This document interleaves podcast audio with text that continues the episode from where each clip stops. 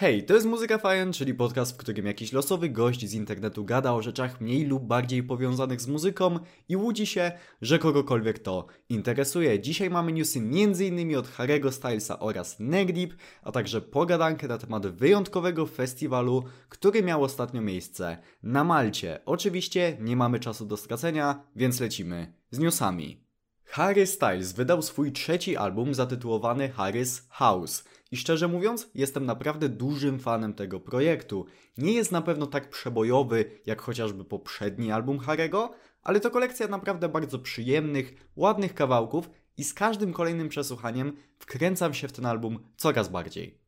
Neck Deep wrócili z nowym kawałkiem i jest to niejako powrót do starszego katalogu zespołu. To szybki, przyjemny, solidny popankowy banger i wprost nie mogę się doczekać na koncert w Warszawie, który odbędzie się już za tydzień.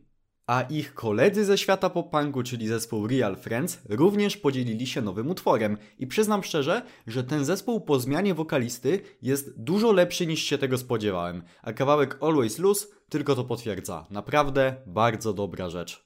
No Pressure, czyli poboczny projekt wokalisty The Story So Far, bez żadnej zapowiedzi wydał swój pierwszy, długo grający album i jest naprawdę doskonały. Ten projekt będzie bardzo często gościł w moim samochodzie podczas nadchodzącego lata i Wam też to polecam.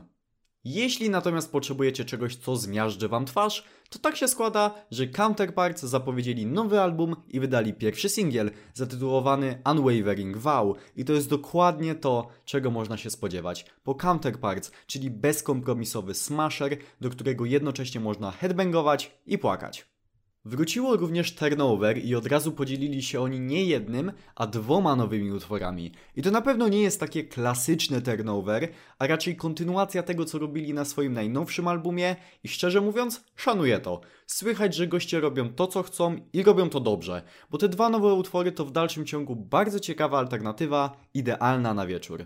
To tyle z newsów na dzisiaj, teraz pora na poradankę. Kilka dni temu na słonecznej Malcie miało miejsce wyjątkowe wydarzenie. Bring Me The Horizon zorganizowało własny czterodniowy festiwal i wygląda na to, że była to najlepsza zabawa roku. Całość odbyła się na specjalnie przeznaczonym kompleksie w pobliżu plaży, i oprócz oczywiście występu BMTH, do którego jeszcze za chwilę przejdę, można było zobaczyć na żywo kilka naprawdę fenomenalnych zespołów, m.in. Spirit Box, Bertów czy While She Sleeps. Line-up był naprawdę doskonale dobrany, idealny balans między starszymi i nowszymi zespołami. I teraz przejdźmy do najważniejszej rzeczy. Samo BMTH zagrało na festiwalu dwa razy. Pierwszego wieczoru zaprezentowali normalny set, składający się głównie z nowych rzeczy, natomiast to, co wywołało największe poruszenie, wydarzyło się dzień Później bowiem zespół zagrał retro koncert, na którym nie znalazł się żaden utwór, który ma mniej niż 9 lat. I choć oczywiście było to zapowiadane już wcześniej, to tak czy siak nie było do końca wiadome, co oznacza retro set i na jakie utwory zdecyduje się zespół, i przychodzę z bardzo dobrymi wieściami, bowiem to, co tam się wydarzyło, jest absolutnie niesamowite i omówię teraz pokrótce setlistę. Zespół zaczął wszystko utworem Liquor and Love Lost, czyli kawałkiem z pierwszego albumu z 2006 roku, natomiast sam utwór nie był grany od 2008 roku. To jest przecież jebane 14 lat. Od tego czasu zespół wydał, o ile dobrze liczę, 6 nowych albumów, a potem jest tak samo mocno. Między innymi Meduza zagrana pierwszy raz od 2009 roku, Sleep with One Eye Open pierwszy raz od 2011 roku. Oprócz tego były aż trzy utwory z a Hell, które jest prawdopodobnie najbardziej pomijanym przez zespół albumem ze względu na stan psychiczny, w jakim był wokalista Oli Sykes podczas nagrywania go. Były co prawda aż cztery utwory z Sempiternala, który nie jest może aż tak starym albumem, ale za to były to te utwory, które już bardzo dawno nie były grane na żywo, czyli chociażby Hospital for Souls zagrane dopiero trzeci raz w historii i pierwszy raz od 2014 roku. Mało tego, do zespołu podczas kilku utworów utworów dołączyli specjalni goście, czyli wokaliści innych zespołów, które grały na festiwalu i dzięki temu na przykład Chelsea Smile zostało wykonane razem z Courtney LaPlante, czyli wokalistką Spirit Box, Caleb Show Mosbertów wbił na Antivist, a Alex Taylor z Malevolence dołączył na legendarne Pray for Plagues.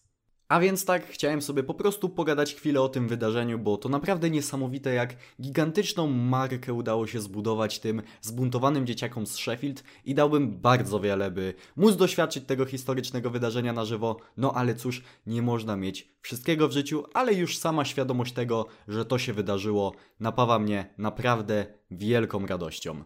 I to by było na tyle, jeśli chodzi o dzisiejszy epizod Muzyka Fajn Podcast. Dzięki wielkie za wysłuchanie go do końca. Standardowo przypominam o tym, że w opisie tego podcastu znajdują się linki m.in. do mojego serwera Discord, do mojego kanału na YouTubie, na TikToku, na Twitchu i tak dalej, i tak.